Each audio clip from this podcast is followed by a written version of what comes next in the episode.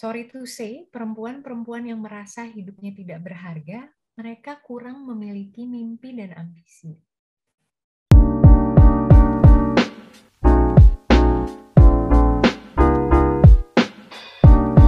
Tapi kalau misalnya nih, aku sekarang posisinya sudah menikah, mm-hmm. terus masih sulit ngomongin tentang keuangan, mm-hmm. gitu ya. Jadi kayak, aduh, gimana ya mau ngomongin duit? Udah udah udah keburu nikah gitu kan ya. Uh, ya awal-awal nikah sih misalnya kalau masalah gaji udah kebuka deh. Cuman kalau utang nggak tahu. Kalau gaya hidup ya lihat aja kayaknya mah cocok-cocok aja ya pacarannya. Dibawa makan ke sana makan ke sini mm-hmm. gitu kan ya. Mm-hmm. hangout sana hangout sini mah cocok cocok aja gitu ya. Tapi ternyata nih pas begitu mau ngomongin duit aduh duitnya kurang. Gimana tuh ngomongnya? Nah kalau masalah keuang apa setelah menikah ini gimana sih sebenarnya cara terbuka? Aku penasaran ke Mbak Alia dulu deh. Enaknya gimana sih Mbak biasanya kalau menikah? Gitu. Ya mungkin salah satunya gini deh. Uh, agak sulit ya. Ketika nikah tuh masuk ke satu rumah. Bisa rumah baru, bisa rumah pasangan kita, eh mertua pasangan atau rumah rumah ibu bapak kita gitu. Penyesuaiannya aja sulit. I don't think satu bulan pertama itu kamu bisa terbuka langsung segalanya tentang uang. Ya kan? Kenapa aku hitungannya gitu? Ya inget-inget dulu ya nih, mohon maaf ya sedikit kayak mau kentut di depan dia aja gue malu gitu. Apalagi harus ngomongin uang yang mungkin I'm not proud of loh dengan berapa yang aku bisa hasilkan saat ini gitu akan sangat berbeda ketika level confidence pacar kita memang merasa gajinya sangat mencukupi. Hmm. Dia pasti yang akan bring up the conversation, ya kan? Cuma biasanya kalau dulu aku tuh memang memiliki insecurities yang sangat tinggi terhadap finansial. Dulu family aku memang memiliki financial issues. That's why I take this topic financial tuh wholeheartedly Kenapa? Dari situ kita banyak belajar kalau apa yang diajarkan orang tua kita mungkin tidak selalu benar. Dan apa yang kita pilih terkait keuangan juga tidak selalu benar. Kenapa?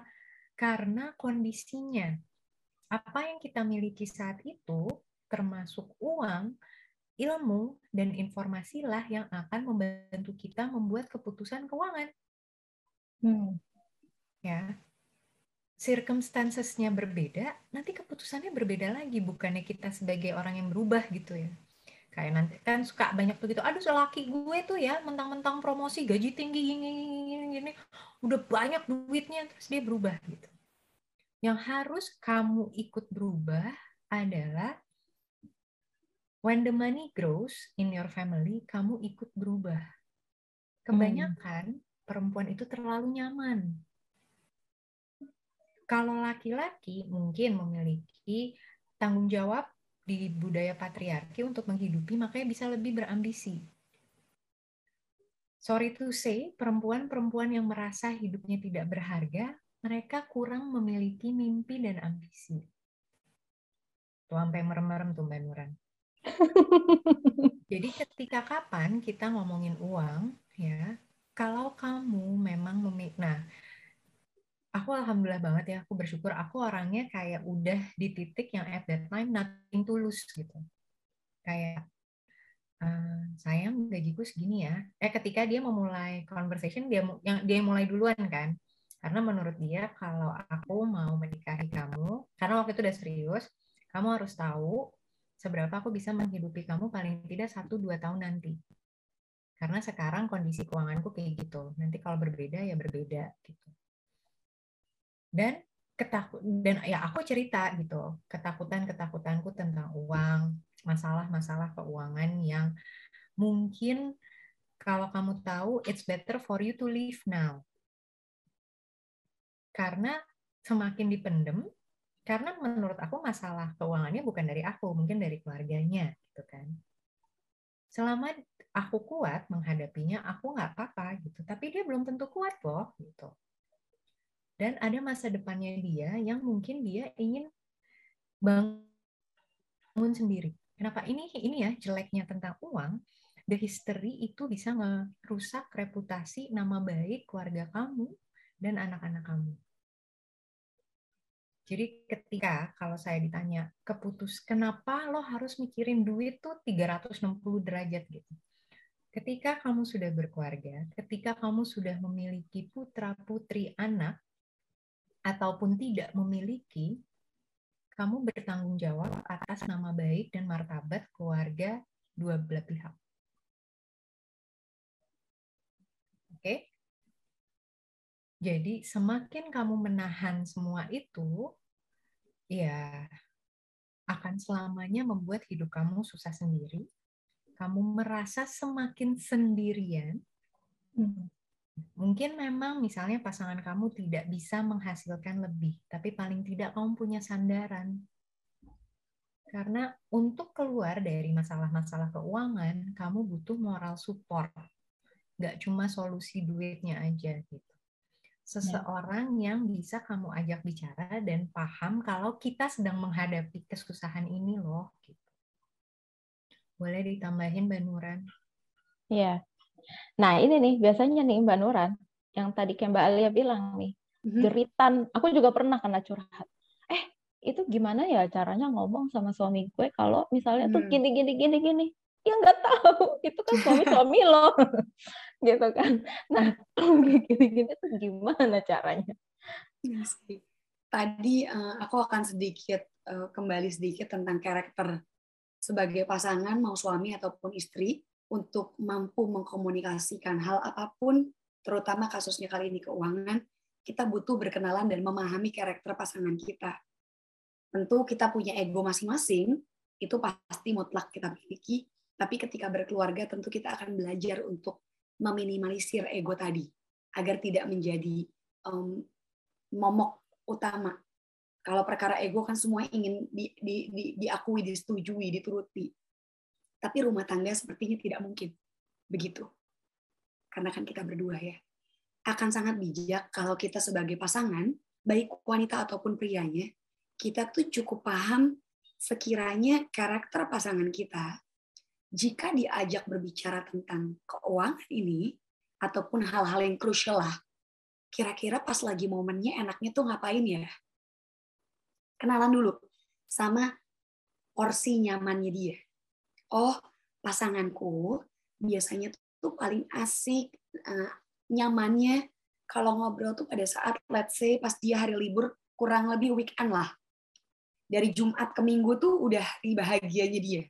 Dia udah nggak terlalu berat biasanya tegang bawaannya wajahnya gerak geriknya ini enggak lebih asik. Oke. Okay. berarti kita belajar untuk mengenal uh, saya selalu bilang sama pasien tuh golden moment atau golden time. Ini related tentang keuangan atau related tentang diri sendiri. Kali ini tentang keuangan dulu. Golden time atau golden momentnya itu sekiranya kapan untuk kita pahami, oke, dia bisa diajak ngobrol nih. Kan kita butuh pendekatan ya, mau pembukaan dulu intro obrolan, jangan kelamaan intronya juga nanti ngantuk atau basi akhirnya. Nah, untuk menuju tadi obrolan, tahu nih porsinya udah makan, mungkin suami atau istrinya. Anak-anak mungkin kayaknya lagi ada yang mendampingi. Atau kita butuh kalau ngobrol tuh butuh keluar rumah. Karena kita tuh udah mumet kalau ada di rumah. Oke, okay. ini ciri untuk, untuk bikin nyaman. Sebelum sibuk untuk membicarakan, jangan lupa kalau sudah kenal golden time atau golden momennya, maka catat dulu.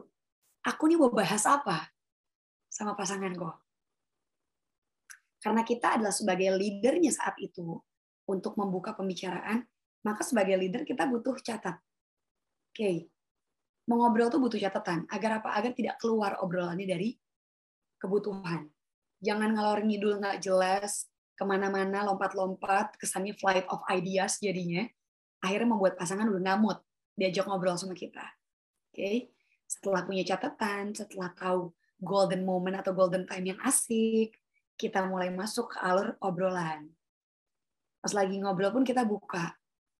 Um, let's say, sayang, uh, aku merasa kondisi rumah tangga ini kayaknya secara keuangan kita ada hal-hal yang deh yang perlu kita diskusiin kembali. Sepertinya kurang lebih enam bulan ini aku melihat dana kita tuh jadi semacam ditombokin terus dari pos-pos anggaran lain. Kayaknya kurang sehat deh. Kita kan punya planning. Kamu ingat kan, misalkan kita punya planning something yang menyenangkan. Kita ingetin planning hebat itu. Jangan sampai nanti uang planning kita ini kepake terus. Nanti kita nggak jadi dong perginya. Perhatiin deh, di psikologi itu ada yang namanya I message atau I statement. So, walaupun kasus ini tidak nyamannya adalah pada pasanganku atau lawan bicara kita yang tidak tepat perilakunya, tapi kita memulai dengan sayang, aku kok ngerasanya belakangan ini kita udah lama ya nggak diskusi tentang dana-dana kita yang kadang tuh out of budget. Kayaknya kita butuh deh diskusi ulang. Jangan-jangan kemarin kita kebablasan. Mungkin dari aku, mungkin dari kamu, mungkin dari kita berdua. Yuk, kita obrolin ulang yuk. Saya merasa ada something sama kita, bukan sama kamu. Oke, okay? kalau I statement tuh saya mau ngegiring ketidaknyamanan jadi nyaman karena it between us. Kalau you statement itu kan kayak nunjuk ya. You sudah langsung terintimidasi. Pasti lawan bicara kita. Karena oh ini mungkin kalau you statement gini, kamu aku lihat belakangan ini uangnya cepet habis deh. Kamu kemanain sih uangnya? Kamu tuh sih hobinya sih main golf, main ini, main ini, berkuda, AI, AIU misalkan ya, whatever. Tapi kamu sih, kamu tuh, uh, siapa pasangan yang mau diajak ngobrol kayak gitu? Tidak mungkin, teman-teman. Orang kalau udah orang kalau udah terintimidasi pilihannya dua. Satu, kabur. Dua, balas lagi. Oke? Okay? Langsung pertengkaran. Pasti. Karena ketika orang terintimidasi atau tertekan ada pressure besar, mereka punya pilihan untuk being responsive atau being reaktif. Reaktif means gue ledakin lagi nih. Aku ikutin kamu. Meledak pula, bukan? Tapi mm -hmm. kalau responsif, oke, okay, kasih jeda, I'm thinking. In a minute, oke, okay, gue mesti ngapain? Mungkin ini salahnya dari aku, tapi mungkin juga dari dia. Tapi kok dia sepertinya mengintimidasi aku ya? Oke, kayaknya aku nggak nyaman nih, karena baru diserang. Nggak nyaman, baru serang. Oke, kita langsung kita informasiin ke dia. Sayang, aku kurang nyaman deh sama nada bicara kamu. Mungkin kita nggak ngobrol sekarang ya sebentar. Kurang lebih kapan? Ayo, kesepakatan. Kayaknya aku mau think dulu deh, berpikir dulu. Nanti malam kita obrolin boleh? Jadi kita nggak kabur, bikin kesepakatan. Orang tuh kalau butuh jeda, artinya punya kesepakatan. Tapi kalau bete, diberantemin pasangannya, itu kan bahasanya sekarang namanya silent treatment. Kalau silence and silent treatment is different. Ya. Jadi kalau silent treatment, ah, sebodoh deh. Misalkan kita cuekin aja dia, ngomong aja tuh lo ngomong apa terserah. Jadi bete-betean. Ya mau sampai kapan rumah tangganya bakal capek terus dong. Jadi setelah kita mampu bicara dengan I statement tadi, dapat enaknya, mungkin pasangan kita tetap akan ada uh, sikap mungkin ingin apa? Ingin keluar dari diskusi. Mungkin aja, nggak menutup kemungkinan kok. Kalau itu terjadi, kita tetap akan info. Kalau kamu mungkin belum nyaman ngobrol sekarang, nggak apa-apa tapi anaknya kapan? Aku pengennya yang kita sama-sama nyaman. Mungkin kita atur gitu. Kurang lebih. Jadi hmm. uh, cari deh titik yang tepatnya gitu untuk pasangan tuh jadi uh, menikmati ngobrol sama kita dan kita tidak terkesan menggurui. Jangan hmm. lupa kalau ngobrol feel the moment. Aku ngelihat mata pasanganku, eye contact-nya. Aku prepare and prepare and behave. Prepare tuh bukan dandan gitu, bukan tapi situasi kan menyenangkan kitanya ya, bahasa ya. tubuhnya enak sepertinya dengan poin-poin seperti itu kemungkinan besar pasangan kita mau kok diajak hmm. diskusi. Oke oke. Wah ini mantep banget. Jadi buat teman-teman tuh ya yang biasanya sulit gitu ya. Aduh gimana nih ngobrolnya? Ini coba tolong nanti teman-teman boleh dengerin lagi. Di pause aja teman-teman. Sambil dicatat habis itu diterapkan gitu ya. Nah uh, terakhir nih, aku pernah dapat pertanyaan dari salah satu growth spacer yang kayak gini. Kenapa sih pasangan aku tuh susah banget terbuka sama aku? Nah, hmm. aku jadi penasaran. Biasanya faktor apa aja sih yang bikin uh, apa namanya kita nih, gitu ya, sulit lah terbuka sama pasangan kita? Apakah memang pasti kalau keuangan ini biasanya atras isu kita nggak percaya sama pasangan kita, ah nggak usah deh, ntar lo lo boncos sih, lo boros sih orangnya, nggak usah deh, gue nggak usah kasih tahu lah gitu misalnya gitu. Atau apa biasanya faktor-faktornya? Aku mau ke Mbak Alia dulu deh. Biasanya adalah satu yang pertama insecurities, yang kedua ketidakpercayaan dirinya dengan value dan uang yang dia miliki saat ini. Yang ketiga past history-nya. Hmm. Uang itu mengajarkan dia seperti apa? Pernahkah membuat dia hidupnya tuh menderita karena uang? Hmm tiga itu aja sih core dari semua ketidakterbukaannya itu. Cuma biasanya trust issue itu justru diciptakan dari environment terdekatnya dia, yaitu keluarga. Okay. Dan biasanya memang kita membawa value-value ini ke dalam hidup kita selanjutnya gitu. Siapa yang berperan penting dalam memegang uang? Siapa yang biasa berperan dalam mencari uang? Ya kan? Dan apakah kita justru bisa belajar dari orang tua kita atau menghentikannya sama sekali? Dan bagaimana orang melihat dirinya dia? Tadi, ini hubungannya dengan confidence. Apakah dia pernah direndahkan? Karena kadang uang tuh nggak kelihatan kayak, eh gue gajinya segini ya. Enggak gitu. Tapi dari pembawaan kita, dari kepercayaan diri kita, dari bagaimana kita berinteraksi itu juga sudah menunjukkan sebenarnya seberapa kuat sih fondasi finansial kita terhadap level of confidence sama ambisi. Orang-orang yang kurang berambisi itu satu mungkin hidupnya terlalu nyaman, ya kan? Yang kedua dia less confidence. Udah di sini aja, saya tidak akan bisa mencapai semua itu. Jadi tiga hal tadi menurut aku yang bisa dirangkum kenapa sih orang tuh susah terbuka. Jadi sebelum kamu menginginkan keterbukaan uang dengan dia, kamu harus mengobati semua itu. Bikin hmm. dia merasa secure. Bikin dia menjadi confidence dengan apa yang dia miliki dan sama-sama. Dan ini terakhir ya, yang paling penting buat aku, dengan misalnya ada ketiga hal tadi, solusinya adalah sama-sama yuk berdua, siapa pun yang kerja punya single income ataupun double income, dibikin deh yang namanya income planning. Sekarang wow. kita ada di mana? Tiga tahun lagi kita mau apa? Mau punya berapa? Mau beli apa? Mau liburan ke mana? Anak kita mau sekolah di mana? Mungkin jangan secara nominal dulu ya, jadi biasanya memang life planningnya dulu nih bisa ketemu Mbak Nuran. Habis itu ngomongin angka sama aku tuh. Aku promosiin sekali dua kelas lah ya. benar benar benar. Iya iya iya iya. Wah, ini nih. Tadi udah disebut ya sama Mbak Alia. Biasanya tuh ada insecurity, ada nggak pede, pernah punya pengalaman yang buruk tentang uang. Ini nih gimana Mbak supaya uh, aduh aku pengen membuat pasangan aku nyaman gitu loh. Gimana nih caranya Mbak Nuran?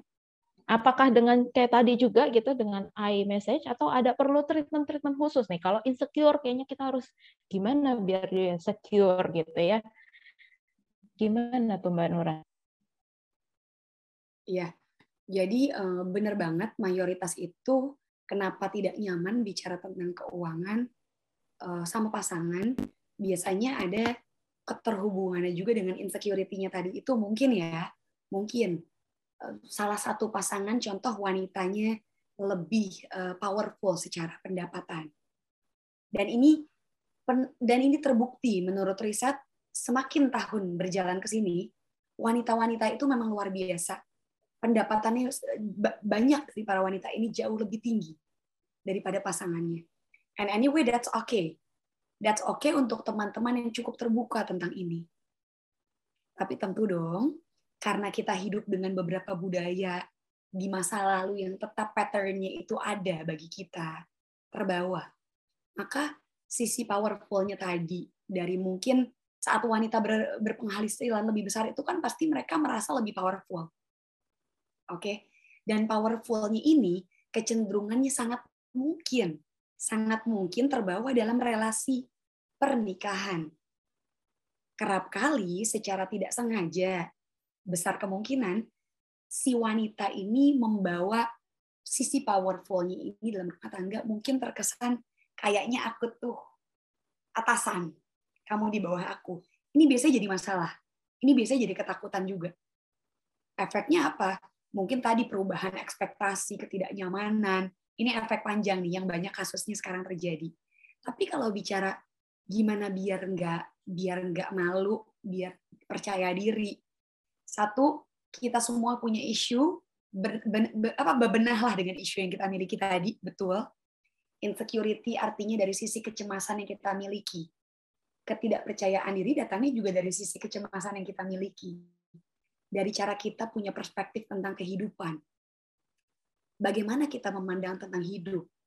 Bagaimana tentang kita memandang uh, sebuah relasi?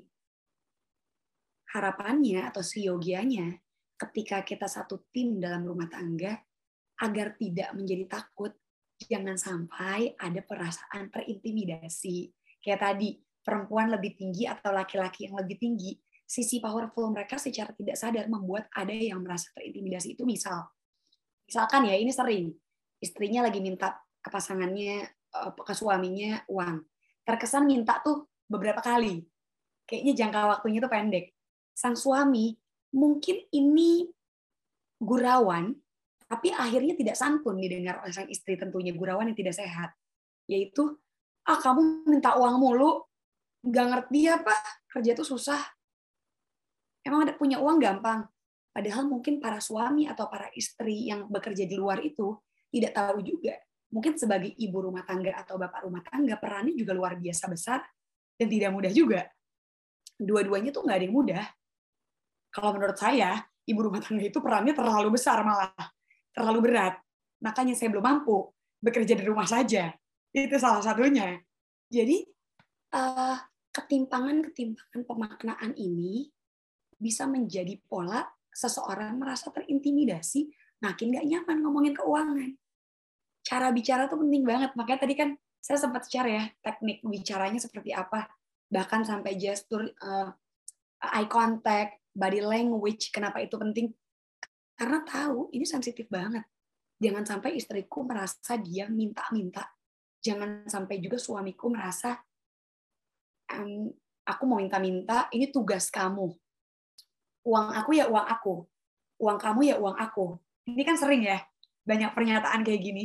Kesannya uang istri adalah uang milik istri. Uang suami adalah milik uh, suami dan istri. Tapi mungkin kenalan dulu. Apakah skemanya menurut pemahaman suami dan pemahaman istri seperti itu? Atau tidak?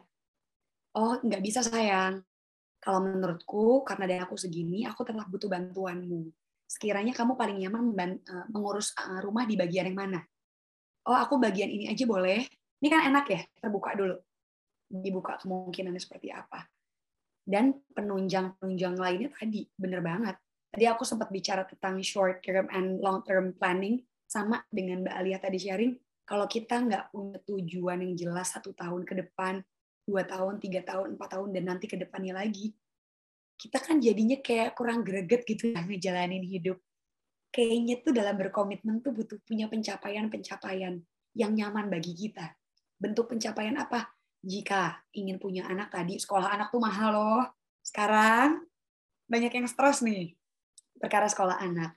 Lifestyle, atau mungkin liburan, atau hal yang lain, yang lain ini bentuk kebutuhan utama rumah tangga kita apa. Jadi besar kemungkinan kalau kita ini dari zaman pacaran sudah belajar mengenal karakter pasangan, kita pun sudah sama-sama belajar untuk memberikan ruang, space, bahwa jika ada yang mungkin untuk kita perbaiki dari isu kita masing-masing, yuk kita bebenah bareng-bareng. Aku tuh isunya ini loh. Kalau kamu ngerasanya apa? Sering-sering diskusi santai, bukan cuman udah makan belum, kerjanya gimana, kuliahnya gimana. Pertanyaan tuh banyak banget. Itu pertanyaan zaman dulu. Jadi pertanyaannya lebih dibuka, lebih um, kreatif, lebih menggali pola pikir pasangan kita, hopefully itu juga membantu terkuak sedikit banyak pengenalan atau awareness sama isu yang kita miliki agar isu itu semoga tidak terbawa terlalu banyak dalam rumah tangga kita. Walaupun bukan berarti beresin dulu isunya sampai beres baru nikah. Tidak, tidak seperti itu juga. Kerap kali dengan kita aware, kita baru start mulai, kita baru belajar, itu juga sangat membantu kok perjalanan rumah tangga kita. Karena jangan-jangan hmm. memang pasangan kita punya perhitungan dalam menjalani rumah tangga sekian eh, kesiapannya. Ternyata kita sebenarnya sudah cukup sih di bagian ini, di bagian ini tuh bisa nih sambil berjalan. Boleh. Jadi oh, okay. itu tuh bagian dari self love kok. Self love tuh bukan berarti ready 100%. Enggak. Tapi tadi tahu konteks kelemahan dan kelebihan diri dan perbaikan. Hmm, mantap, mantap, mantap. Ini nih sebenarnya kadang apa padahal pertanyaan aku tuh faktor apa sih yang bikin pasangan sulit terbuka? Tapi jawabannya itu semua kayak solusinya adalah kita berkaca lagi yuk, jangan-jangan itu di cara saya, ya enggak sih? Nah ini powerful banget nih teman-teman, karena ini kadang sebenarnya mungkin kita ya yang harus uh, apa namanya treatmentnya membeda uh, beda gitu ke pasangan gitu jangan-jangan gue lagi yang bikin dia terintimidasi gitu so ini aduh keren-keren banget. Kayaknya kalau ngobrolin kayak begini nih keuangan nih gak ada habis-habisnya ya teman-teman. Kayak ini soalnya seru banget. Nah buat teman-teman yang mau ngobrolin keuangan, aduh aku mau terbuka sama pasangan tapi susah banget ya. Aku kayaknya butuh advice lebih lanjut nih, uh, masalahku lebih uh, spesifik bisa langsung hubungin Banuran. Atau kalau misalnya, aduh kayaknya aku butuh merencanakan keuangan deh, aku butuh merapikan cash flowku, nah langsung aja kembali ya langsung semua uh, nanti kita kasih uh, Instagramnya di deskripsi YouTube dan podcastnya uh, Kubis gitu. So buat teman-teman yang udah dengerin, thank you banget dan terima kasih banget nih buat Mbak Alia dan Mbak Nuran yang udah mau hadir di sini sharing ilmunya bermanfaat banget. Aduh, ini sampai satu jam lebih kayaknya kita ngobrol. Enggak, udah. Ya, nggak nyangka banget. Uh -uh ternyata senyaman itu ngomongin keuangan walaupun ya thank you Mbak Hana thank you Nuran Iya, terima banyak. kasih. Terima kasih banyak Mbak Alia dan Mbak Hana. Iya, yes. so teman-teman inilah akhir dari sesi podcast kita. Sampai ketemu lagi di podcast-podcast berikutnya. Bye. Bye. Bye. Terima kasih. Thank you.